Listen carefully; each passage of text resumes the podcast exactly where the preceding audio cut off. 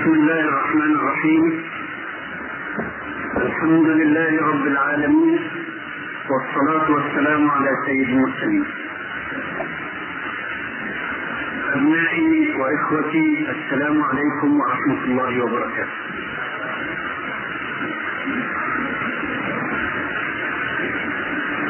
نقول الإسلام طريق الخلاص. الخلاص من ماذا؟ الخلاص من هذا الحال الذي يعانيه المسلمون اليوم في كل الأرض فالمسلمون يمرون بأسوأ فترة في تاريخهم في خلال الأربعة عشر قرنا لم تمر فترة هي أشد سوءا أو أشد سوادا من هذه الفترة الحاضرة وفي التاريخ الإسلامي فترات حالكة ليست قليلة. منها فترة التتار وفترة الصليبيين.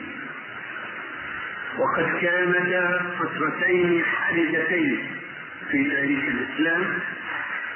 استغرقت كل منهما ما يقرب من مئة عام. ووصل الذل بالمسلمين في إحدى الفترتين وهي فترة التتار إلى حد أن التتري كان يلقى المسلم وليس في يده سلاح ليس في يد التتري سلاح فيقول له ابق هنا مكانك حتى أذهب فآتي بالسلاح لأقتلك. فيبقى المسلم مكانه حتى يأتي التتري بالسلاح ويقتله. فترة من الذل ظاهرة السواد. ومع ذلك ففي حسي أنها لم تكن أشد سوادا من الفترة المعاصرة أو لم تكن أبعد عن الحل من هذه الفترة المعاصرة. الفارق في الحقيقة ليس في شدة السواد ليس في شدة السوء إنما الفارق في حال المسلمين أنفسهم. لقد غزي المسلمون من قبل من قبل الصليبيين والتتار عقابا ربانيا لهم على مخالفات وقعوا فيها وبدع ابتدعوها ومعاصي وقعوا فيها ولكن هذه العقيدة كانت ما تزال حية في القلوب. علاها الرماد نعم رماد المعصية الذي يغشي على قلوب المؤمنين فينقص من إيمانهم بقدر ما يقعون في المعاصي. كانت الغاشية تغشي قلوب المسلمين وأفكارهم ولكن الجدوى كانت ما تزال تشتعل في القلوب. فما إن خير الله لهذه الأمة قائدا وزعيما يذكرها بدينها يذكرها بعقيدتها في شخص صلاح الدين مع الصليبيين وفي شخص قطرس مع التتار حتى صحت هذه الأمة ورجعت إلى الصف وتجمعت تحت رأية العقيدة وانتفضت انتفاضتها التي كان من ورائها النقص. قال صلاح الدين لجنوده ولأمته إنكم هزمتم لأنكم بعدتم عن طريق الله. ولن ينصركم الله حتى تعودوا إلى طريق فعادوا إلى الطريق وانتصروا بالفعل على الأعداء. وصاح قطر صيحته الشهيرة في التاريخ وإسلامه وفي يوم واحد في يوم هذه الصيحة تغير التاريخ. فقد كان التتار قد خرجوا من غرب الصين في مشوار واحد طويل لا يتوقفون ابدا يدمرون كل شيء في طريقهم واطاحوا بالخلافة العباسية في بغداد واجتاحوا الحضارة الإسلامية واجتاحوا كل شيء وجدوه في الطريق حتى المكتبة. مكتبة بغداد الشهيرة ألقوا كتبها في النهر ليجعلوها جسرا لخيولهم. وأقاموا مذبحة في بغداد. استمرت أربعين يوما وليلة. ذبحوا فيها علماء الإسلام وتجارهم وأغنياءهم وأصحاب الجاه فيهم حتى تروي كتب التاريخ إن النهر جرى أحمر من الدماء التي أريقت فيه. وظل التتار في زحفهم الساحق لا يتوقفون أبدا حتى كانت معركة حطين حتى كانت معركة عين جالي المعركة التي اقتحمها قطر بتلك الصيحة الشهيرة شاهرا سيفه يقول ولا إسلام. وفي يوم واحد تغير التاريخ. بدأت المعركة في الصباح وصمد المسلمون أمام جحافل التتار وما إن جاء العصر من ذلك اليوم حتى بدا الميزان يتغير وحتى بدا التتار يتقصرون وبدا المسلمون يتغلبون عليه. وحدث تحول ضخم في التاريخ لأن أولئك التتار الذين وقفوا لأول مرة وأمام أول قوة توقفهم عن الزحف وقفوا يتفكرون ما الذي أوقفهم؟ كيف توقفوا وهم الذين لم يوقفهم شيء وعرفوا أن الذي أوقفهم هو والإسلام هو الإسلام هو قوة الإسلام عندئذ بدأوا هم بعد فترة من الزمن يدخلون في الإسلام وصاروا فيما بعد جنودا لهذا الدين بعد أن كانوا جنودا مزمرين مخددين. فترات سيئة حادثة مرت بهذه الأمة الإسلامية. ولكنها مع سوءها وسوادها لم تكن أسوأ ولا أسود من هذه الفترة الراهنة لأن جدوى العقيدة على كل ما علاها من الرماد كانت ما تزال حية في القلوب.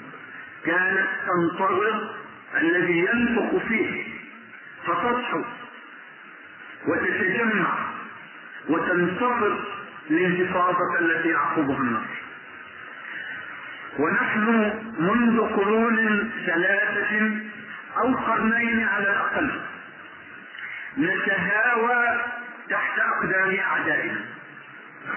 وأعداؤنا الجدد هم أعداؤنا القدامى. ما تغير.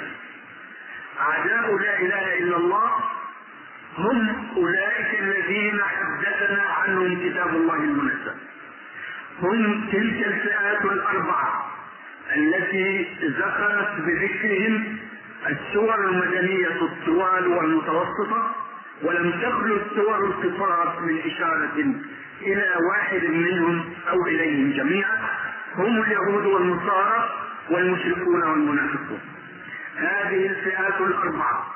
التي نبهنا الله سبحانه وتعالى إلى أنها تعادي الله وتعادي رسوله وتعادي لا إله إلا الله ولا تكف عن هذا العداء أبدا.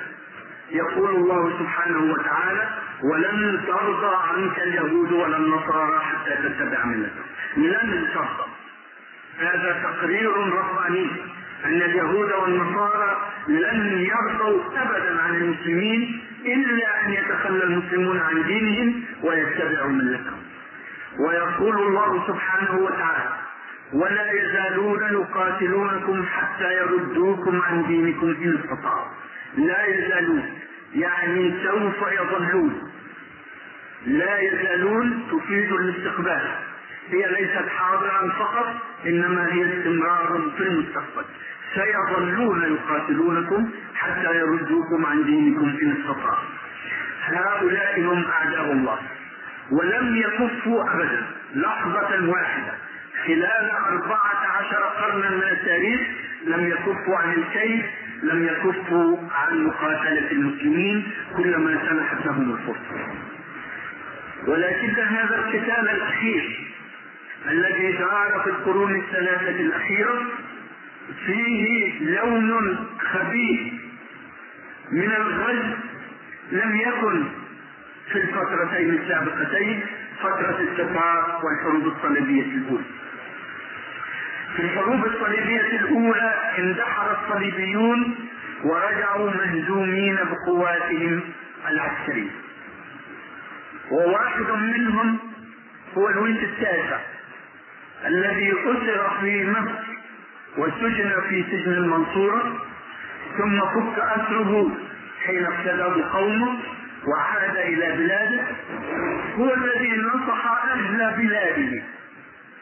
ألا يغزو المسلمين بالسلاح وحده. قال لهم إن غزو المسلمين بالسلاح لن يجزيكم شيئا. طالما أن العقيدة حية. طالما أنها ممكنة في القلوب فلن يجزيكم شيئا أن تغزوهم بالسلاح. ونصحهم أن يحاولوا غزو المسلمين في عقيدتهم أن يغزوا قلوبهم وعقولهم ولا يكتفوا بغزو السلاح. والحروب الصليبية الحديثة قد استفادت بهذه النصيحة الخبيثة نصيحة لويس التاسع فحين سنحت لهم الفرصة لغزو العالم الإسلامي من جديد لم يغزوه بالسلاح وحده ولم يغزوه بالعلم وحده ولم يغزوه بالمال وحده ولكن غزوه بهذا النوع الذي نسميه في اصطلاحنا الحديث الغزو الفكري أو الغزو الروحي. وهو أسوأ ما تعرض له المسلمون في تاريخهم كله. لقد استيقظ الحقد الصليبي بعد سقوط الأندلس مباشرة وحين قضي على آخر دويلة مسلمة في الأندلس وهي دويلة غرناطه سنة 1492 تحرك الحقد الصليبي لغزو العالم الإسلامي. حين قسم البابا بلاد الأندلس إلى دولتي أسبانيا والبرتغال وهما الدولتان الحاليتان اللتان تحتلان أرض الأندلس. ولتذكروا أن اسم البرتغال هو اسم عربي برتغال. هي أرض البرتقال التي زرعها المسلمون وكانت هذه تسمية المسلمين له. كانوا يسمونها أرض البرتقال لأنها مليئة بحدائق البرتقال. والبرتقال بالجار التي تعرفونها جيدا في اللهجة السعودية برتقال هو ذات الاسم الذي بقي في التاريخ. وزع البابا أرض الأندلس على أهل ملته سماها أرض الكفار. هكذا قال في منشوره قال ستوزع أرض الكفار أي المسلمين على دولتين هما إسبانيا والبرتغال. وانطلق أهل البرتغال. أول من انطلق لغزو العالم الإسلامي. ولم يكونوا يقدرون على غزوه من جهة الشرق كما فعلوا أول مرة. لوجود الدولة العثمانية بقوتها المرعبة التي أرعبت أوروبا خمسة قرون كاملة. لذلك حاولوا أن يلتفوا حول العالم الإسلامي. وهنا كانت الرحلات الجغرافية التي ندرسها لأولادنا. نقول أنها رحلات كشفية. وما كانت رحلات كشفية؟ إنما كانت رحلات رحلات تمهيدية تمهد للغزو الصليبي وندرس لأبنائنا خطأ. نقول لهم إن فاسكو دا هو الذي كشف رأس طريق رأس الرجاء الصالح وهو كذب على التاريخ. لقد كان العرب المسلمون يعرفون طريق رأس الرجاء الصالح قبل فاسكو دا بأربعة قرون على الأقل. فقد كانوا ينقلون تجارة العالم كله من الصين إلى أوروبا إلى الجزر البريطاني. وكانوا يعرفون الساحل الآسيوي والأفريقي معرفة دقيقة جدا. ومن يقرأ كتاب عجائب الهند للبيروني يروعه الوصف الدقيق لسواحل آسيا. وصف ملاحي لا وصف جغرافي فحسب.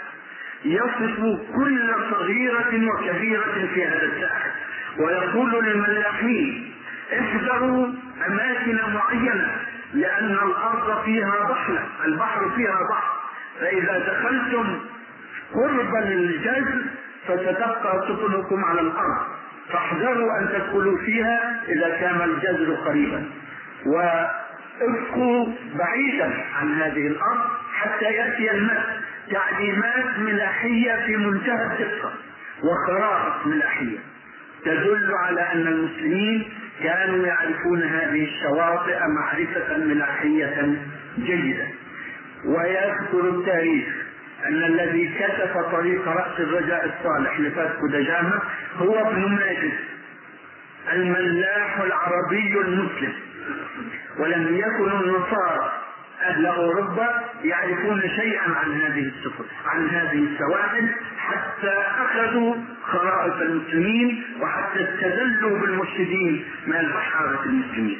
ومع ذلك نقول لأبنائنا في المدارس إن فاسكو دجاما هو الذي كشف رأس رأس الرجاء الصالح.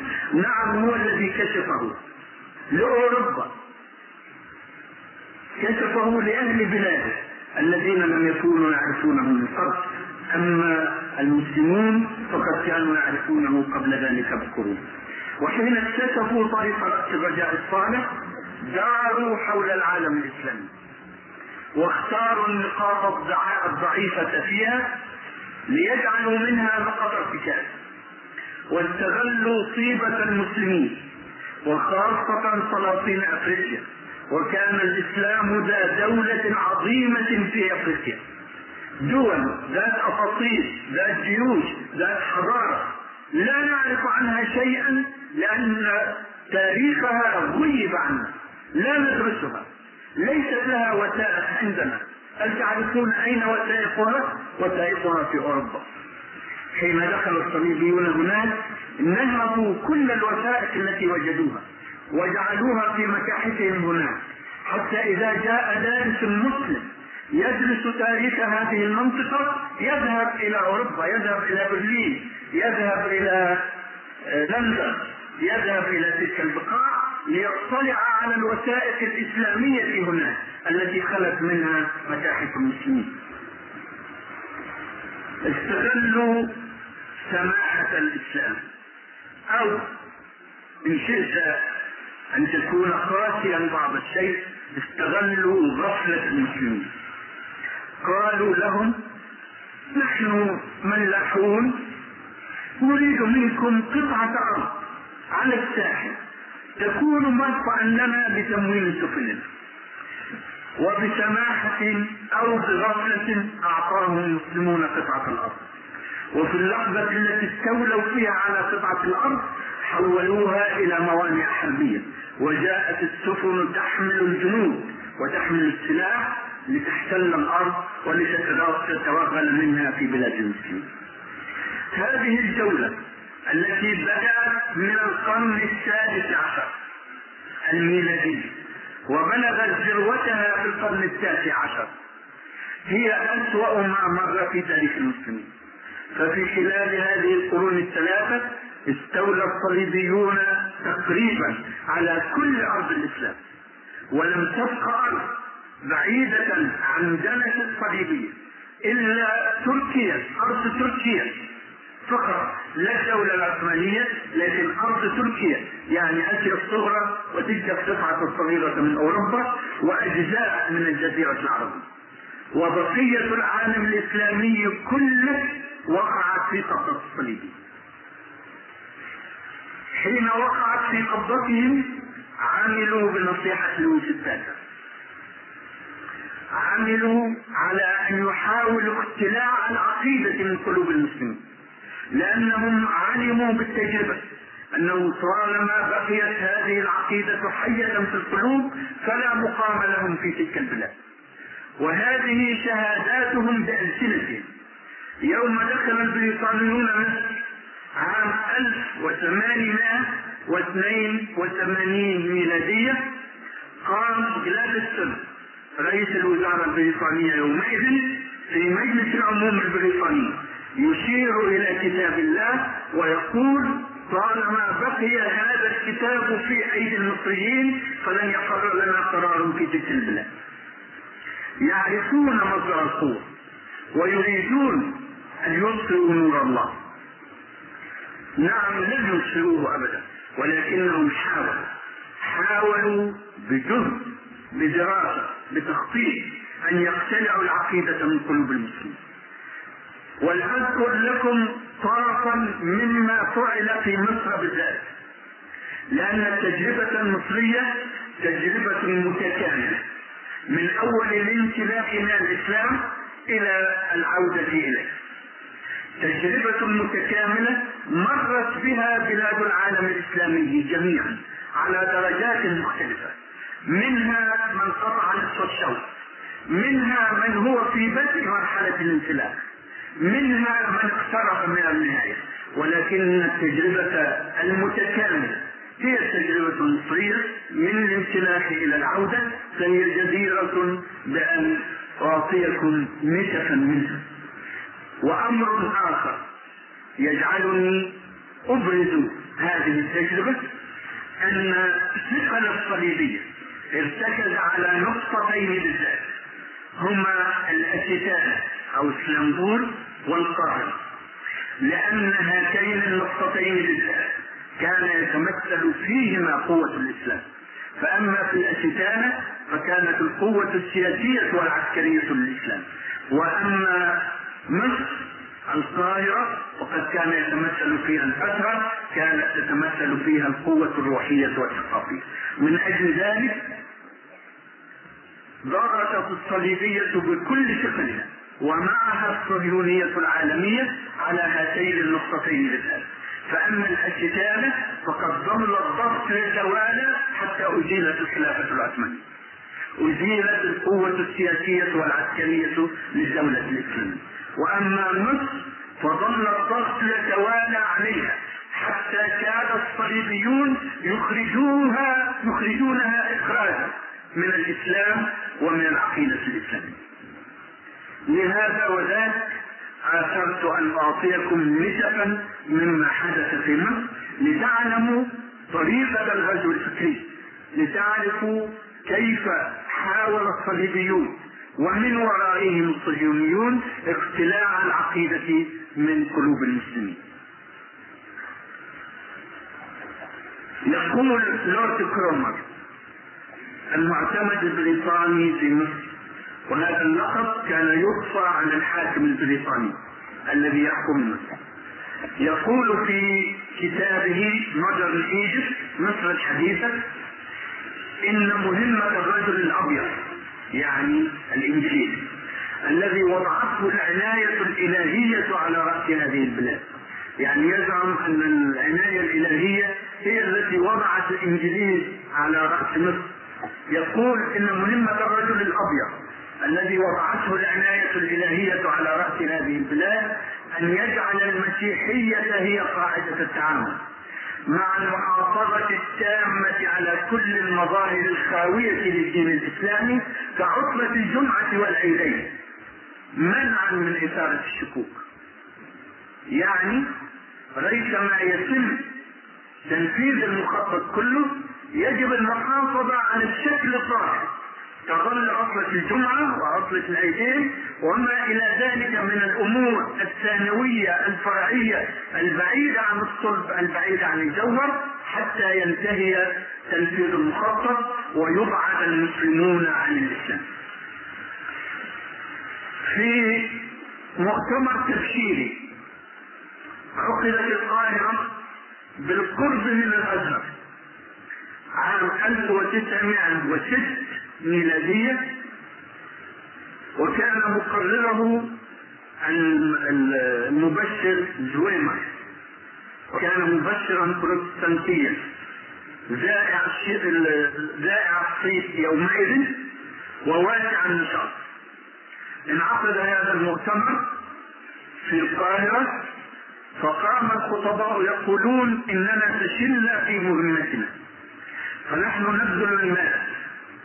ونقيم المدارس ونقيم المستشفيات ونقيم الملاجئ ونعطي خدمات اجتماعية ثم لا يدخل في النصرانية بعد هذا الجهد كله إلا طفل صغير. خطفناه من أهله وهو صغير لا يعرف عقيدة أهله أو رجل كبير جاء إلينا من أجل المال ولا نضمن عقيدته مع ذلك. فقام زويمر يقول استمعت إلى إخواني الخطباء ولست أوافقهم فيما يقولون. إن مهمتنا ليست هي تنصير المسلمين. فهذه مهمة لا طائل وراءها. إنما إنما مهمتنا هي فرق المسلمين عن التمسك بالإسلام.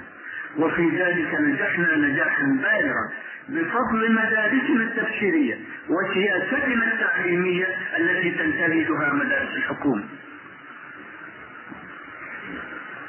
في تلك الفترة اشتكى المبشرون اللورد كرومر اشتكوا أنه يضيق عليهم ولا يسمح لهم بالعمل على نطاق واسع كما كان الحال قبل أن يأتي كرومر فأرسلت الشكوى من وزارة الخارجية إلى كرومر في مصر ليرد عليه. فجمع كرومر المبشرين. وقال لهم هل تتصورون أنني أقف في طريقكم؟ هل تتصورون أنني أعوق نشاطكم؟ ولكنكم تستعملون وسائل استفزازيه بخطف الأطفال والتنصير بالقوة فتكون النتيجة زيادة تمسك المسلمين باسلامهم أما أنا فقد اتفقت مع شاب تخرج حديثا من كلية اللاهوت في لندن Trinity College of London ليجيء إلى مصر ليضع سياسة تعليمية ستحقق أهدافكم كاملة. هذا هو دنلوب الشهير الذي وضع مناهج التعليم في مصر التي ما تزال مع الأسف بتعديلات تافهة تطبق لا في مصر وحدها ولكن في منطقة واسعة من العالم العربي والعالم الإسلامي. ماذا صنع دنلوب في سياسته التعليمية؟ دنلوب التسييس يوضع في مصر ليضع سياسة تعليمية لمصر الإسلامية. ماذا تتوقعون أن يكون من سياسة التسييس وهو يضع سياسة تعليمية. هل يضع سياسة تعليمية لتركيز الإسلام في القلوب أم لاقتلاع العقيدة من القلوب؟ وضع هذا الخبيث سياسة تعليمية تقضي بالتفرقة بين مدرس اللغة العربية والدين وجميع المدرسين الآخرين في المدرسة الواحدة. هم جميعا ذو مؤهل عالي ولكن مدرس اللغة الإنجليزية ومدرس التاريخ ومدرس الجغرافيا ومدرس مدرس الحساب والرياضيات يتناول بعملة ذلك الزمن 12 جنيه. وكان الجنيه يساوي يساوي كثيرا جدا. قوة الشرائية كانت ضخمة بحيث أن ثلاثة جنيهات أو أربعة كانت تكفي لحياة مترفة ويبقى الباقي كله ادخارات أما مدرس اللغة العربية وحده في المدرسة فأجره أربعة جنيه يعني مدرس الحساب 12 جنيها ومدرس اللغة العربية أربعة جنيها. بينما مدرس اللغة العربية يأخذ أحيانا ثلاثين درسا في الأسبوع. ولا تنتهي الدفاتر من أمامه دفاتر الإنشاء دفاتر الإملاء دفاتر القواعد والتطبيق. ما يكاد ينتهي من كل حتى يأتي كل جديد وهذا أجره في نهاية الشهر. حين يحس التلاميذ وأولياء أمورهم والمجتمع كله بالمنزلة الاقتصادية لمعلم اللغة العربية. كيف يكون وضعه الاجتماعي؟ بعبارة أوضح. حين يكون أب له بنات ويأتي خطاب يأتي مدرس لغة إنجليزية أو مدرس حساب أو مدرس رياضيات ومدرس لغة عربية. فلمن يعطي بنته؟ لصاحب الاثني عشر جنيه. ولا يعطيها لصاحب الجنيهات الأربعة إلا إذا كانت منزلته الاجتماعية متأخرة. وبذلك يضرب نطاق من العزلة الاجتماعية والعزلة الاقتصادية حول مدرس اللغة العربية والدين ولا يكون وضعه في المدرسة هو وضع المقدم إنما يقف في ذيل الصف. وفي كثير من الأحيان كان حراس المدرسة القديم ذو الخدمة الطويلة يتناول أجرا مساويا لأجر مدرس اللغة العربية أو يزيد عنه في بعض الأحيان. ماذا تظنون من تأثير ذلك على اللغة العربية؟ هل هل يظل لها احترام في النفوس؟ كلا. الاحترام كله للغة الإنجليزية. فمن كان لسانه يرطن بلغة الاحتلال فهو المقدم في المدرسة وفي المجتمع وفي كل مكان. أما مدرس اللغة العربية ودارس اللغة العربية فتنصب عليه السخريات. يا أخي هو أنت فيه هكذا يقال والفقيه في مصر هو معلم الكتاب. وهو أدنى طبقات المتعلمين. فإذا أخطأ إنسان في اللغة الإنجليزية فقال بدل عيان قال آي از يصبح سخرية لكل الجالسين أما إذا أخطأ إنسان في اللغة العربية فمباح له. بل إذا تحرى الصواب يقولون هذا متقاعد هذا فقيه هذا فقيه هكذا كانت نظرة المجتمع للغة العربية. التي هي لغة الكتاب المنزل. وكان يقصد من وراء ذلك الاستهانة بكل ما هو مكتوب باللغة العربية. بما في ذلك كتاب الله. بينما تتوجه القلوب وتتوجه المشاعر إلى ما كتب باللغات الأجنبية. ومن هنا تتجه القلوب والمشاعر إلى أوروبا. تنزل منها تنزل منها السموم بينما هي تنزل الكتاب الذي بين يديه ويجيء دور مدرس الدين وهو واحد من مدرس اللغة العربية ولكنه يختار من أكبرهم سنا عن عم يقال له نريد أن نريحك من الجدول ومن الكراريس من تصحيح الكارثة. ويختارونه هزيل الصحة ثانيا متقدما ليقع في حس الطلاب أن هذا هذه هي صورة الدين. ثم توضع حصة الدين في آخر اليوم المدرسي فإن كان يوم السبت فهي الحصة السابعة. وإن كانت الأيام الأخرى فهي الحصة السادسة. وإن كان يوم الخميس فهي الحصة الخامسة. دائما حصة الدين هي آخر حصة في جدول الدراسة. والتلاميذ مثقلون بثقل اليوم الدراسي كله. يتثاءبون من النعاس وينتظرون اللحظة التي يدق فيها الجرس لينسلكوا في الطريق. في هذه اللحظة يصفع فوق رؤوسهم درس الدين. فيتمثل في حسهم الهرب والفناء في شخص المدرس والثقل والنفور في درس الدين.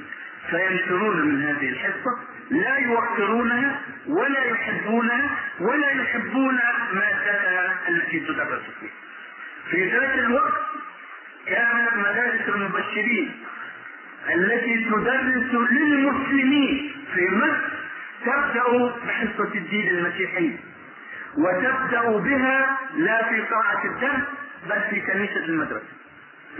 ويقوم بالتدريس أحب المدرسين والمدرسات إلى قلوب التلاميذ ليكون درس الدين حيا في نفوس الأولاد وهم آتون بخيرهم كله خير الصباح والبكور ويكون محببا إليهم لأنه ليس في القاعة وقاعة الدرس مهما قيل فيها فهي ليست محببة للتلميذ. أما خارج القاعة فهو درس محبب. ثم المدرس أو المدرسة الذي يدرس الدرس لطيف محبوب صبوح الوجه حي الأخلاق محبب إلى التلاميذ مقارنة بسيطة بين درس الدين الإسلامي في مدارس الدولة ودرس الدين المسيحي في مدارس التبشير تدلكم على الأثر الخبيث الذي قصده دلك ونجح فيه. وتجيء حصة التاريخ. التاريخ الإسلامي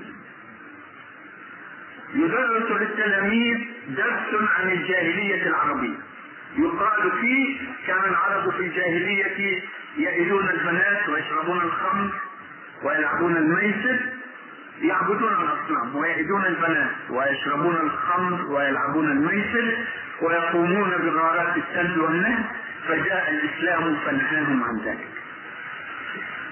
هذه العبارة هي حق ولكنه حق يراد به باطل. إن القصد الخبيث من وراء هذه الجملة العجيب أن هذه الجملة تعلمت أنا عليها حين كنت في الدراسة الابتدائية. ثم جئت فوجدتها في كتب التاريخ ما تزال القصد الخبيث من وراء هذه الجملة أن الإسلام قد استنفذ اغراض جاء لأمور معينة ليزيل أمورا معينة في مجتمع معين. فإذا زالت هذه الأمور انتهت مهمة الإسلام. كان العرب يعبدون الأصنام. هل هناك الآن عبادة حسية ظاهرة للأصنام؟ لا. يبقى البند ده خلص لم يعد هذا البند قائما في حس المسلمين. ويئدون البنات. هل هناك أحد يئد البنات اليوم؟ لا. البنات مدللات على الرأس والعين بل يعني ينالون أكثر ينالن أكثر مما ينال الصبيان. إذا هذا البند انتهى أيضا. ويشربون الخمر ويلعبون الميسر طبعا هذه مساوئ اجتماعية. لكن من حيل فيها؟ الدين نزل بتحريمها والقوانين والتشريعات وما زال الناس يشربون الخمر ويلعبون الميسر اذا يعني مجيء الإسلام أو عدم مجيئه في هذا الأمر سواء. ويقومون بغارات السلب والنهب. نعم الآن هناك شرطة هناك آه نيابة ومحاكم. ولا أحد يستطيع الآن أن يقوم بغارات السلب والنهب دون أن تتعرض له قوة البوليس وقوة النيابه.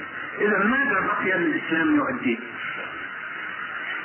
عن عمد لم يكن منهج له إن الإسلام جاء ليزيل الشرك من الأرض والشرك يتمثل في أمرين التوجه لغير الله بشعائر التعبد وتحكيم شريعة غير شريعة الله. هذه هي الحقيقة. الشرك كما عبر عنه كتاب الله. وقال الذين أشركوا لو شاء الله ما عبدنا من دونه من شيء. نحن ولا آباؤنا ولا حرمنا من دونه من شيء. يعني هاتان هما شعب شعبة الشرك. التوجه لغير الله بشعائر التعبد والتحليل والتحريم من دون الله. فالشرك الذي لا ترى مظاهره ظاهرة هو شعائر التعبد لكن الشرك الموجود والذي صاغه الصليبيون بقوة السلاح هو إزالة شريعة الله وتحكيم شريعة أخرى غير شريعة الله. هذا شرك أخفي على المسلمين أمره. لم يقل لهم إنه شرك. لأنهم لو عرفوا أنه شرك لتحركت العقيدة في قلوبهم ولقاموا يحاربون. أما أن يقال لهم إن الإسلام نزل من أجل هذه البنود باعيانها فدليل دلالته في الآخر أن الإسلام قد أدى مهمته وانتهى ولم يعد له دور يؤدي. ثم تدرس للتلاميذ يدرس تاريخ البعث بعثة محمد صلى الله عليه وسلم وفترة الخلفاء الراشدين. وتلقى عليها الأضواء. لا لوجه الله. إنما ليتلو ذلك دراسة التاريخ السياسي الإسلامي. والتاريخ السياسي الاسلامي هو أسوأ ما في تاريخ المسلمين. فلان قتل فلانا ليتولى الحكم. فلان دس السم لفلان ليتولى الحكم. فلان حارب بجيوش الإسلامية مسلمين آخرين ليزيل سلطانه ويستولى. كل هذا حقيقة. نعم التاريخ الإسلامي فيه هذه الوقائع. لكن من قال إن التاريخ الإسلامي محصور في هذه الوقائع السياسية؟ أين مجال الإسلام؟ أين عظمة الإسلام التي رفعت هذه القبائل المتناحرة في شبه الجزيرة التي عجزت خلال قرون متوالية. أن تكون أمة فكونت منها لا مجرد أمة بل خير أمة أخرجت الناس بشهادة الله سبحانه وتعالى كنتم خير أمة أخرجت للناس. تأمرون بالمعروف وتنهون عن المنكر وتؤمنون بالله. أي الأخوة الإسلامية التي زرعها هذا الدين في قلوب المسلمين. إنما المؤمنون إخوة. فجمع القريشي العربي القرشي مع بلال الحبشي مع صهيب الرومي مع سلمان الفارسي فظهرتهم جميعا في أمة واحدة في أخوة الإسلام. بل يقول عمر رضي الله عنه أبو بكر سيدنا وأعتق سيدا. يعني عمر القرشي يقول لبلال سيدنا بلال. فلا يضع بلالا فقط في مصاف كبار رجال الإسلام بل هو سيد لعمر وعمر هو عمر. هذا أين التكافل الاجتماعي الذي زرعه الإسلام في قلوب هذه الأمة فتكافل في داخل الأسرة في داخل المحلة في داخل المدينة في داخل المجتمع الإسلامي الواسع. التكافل الذي يحمل الغني فيه الفقير يحمل القادر فيه غير القادر. التكافل الذي وصل لا إلى العناية بالمخلوقات الآدمية وحده بل حتى بالاحياء من الحيوان. حتى يقول عمر لو لو عثرت بغنة بالعراق لكنت مسؤولا عنها لما لم أسوي لها الطريق؟ والذي حبس الأحباب يعني الأوقاف. على الناس وعلى الحيوانات. هناك أوقاف اوقفها المسلمون للعناية بالحيوانات التي ليس لنا راعي هذا كله من الذي صنعه؟ صنعه الإسلام وطبق في عالم الواقع. الحركة الإسلامية الحضارية الحركة الإسلامية العلمية. أين ذهب هذا كله؟ لم يبق في دراسة التاريخ إلا ذلك الخط الأسود خط التاريخ السياسي. لا ننكر ما وقع في التاريخ السياسي لكن حين نعرض الصفحة بكاملها بأبيضها وأسودها يأخذ هذا الخط الأسود حجمه الحقيقي في الصفحة لكن حين نخفي البياض كله ونبرز هذا الخط الأسود وحده ماذا يكون رد الفعل في نفوس الدارسين؟ رد الفعل هو أن الإسلام عاش عشرين سنة أو ثلاثين سنة ثم انتهى الإسلام. هذا هو الاثر الخبيث لدراسة التاريخ على تلك الصورة المشوهة التي وقع ذلك والتي ما تزال تدرس بها إلى هذه اللحظة في كل البلاد العربية على وجه التقريب. وحين يفرغ التاريخ الإسلامي من القيم والمبادئ ماذا يوضع بدلا منه؟ توضع بدلا منه أوروبا أوروبا أم الحضارة أم الإنسانية أم الديمقراطية أم حقوق الإنسان.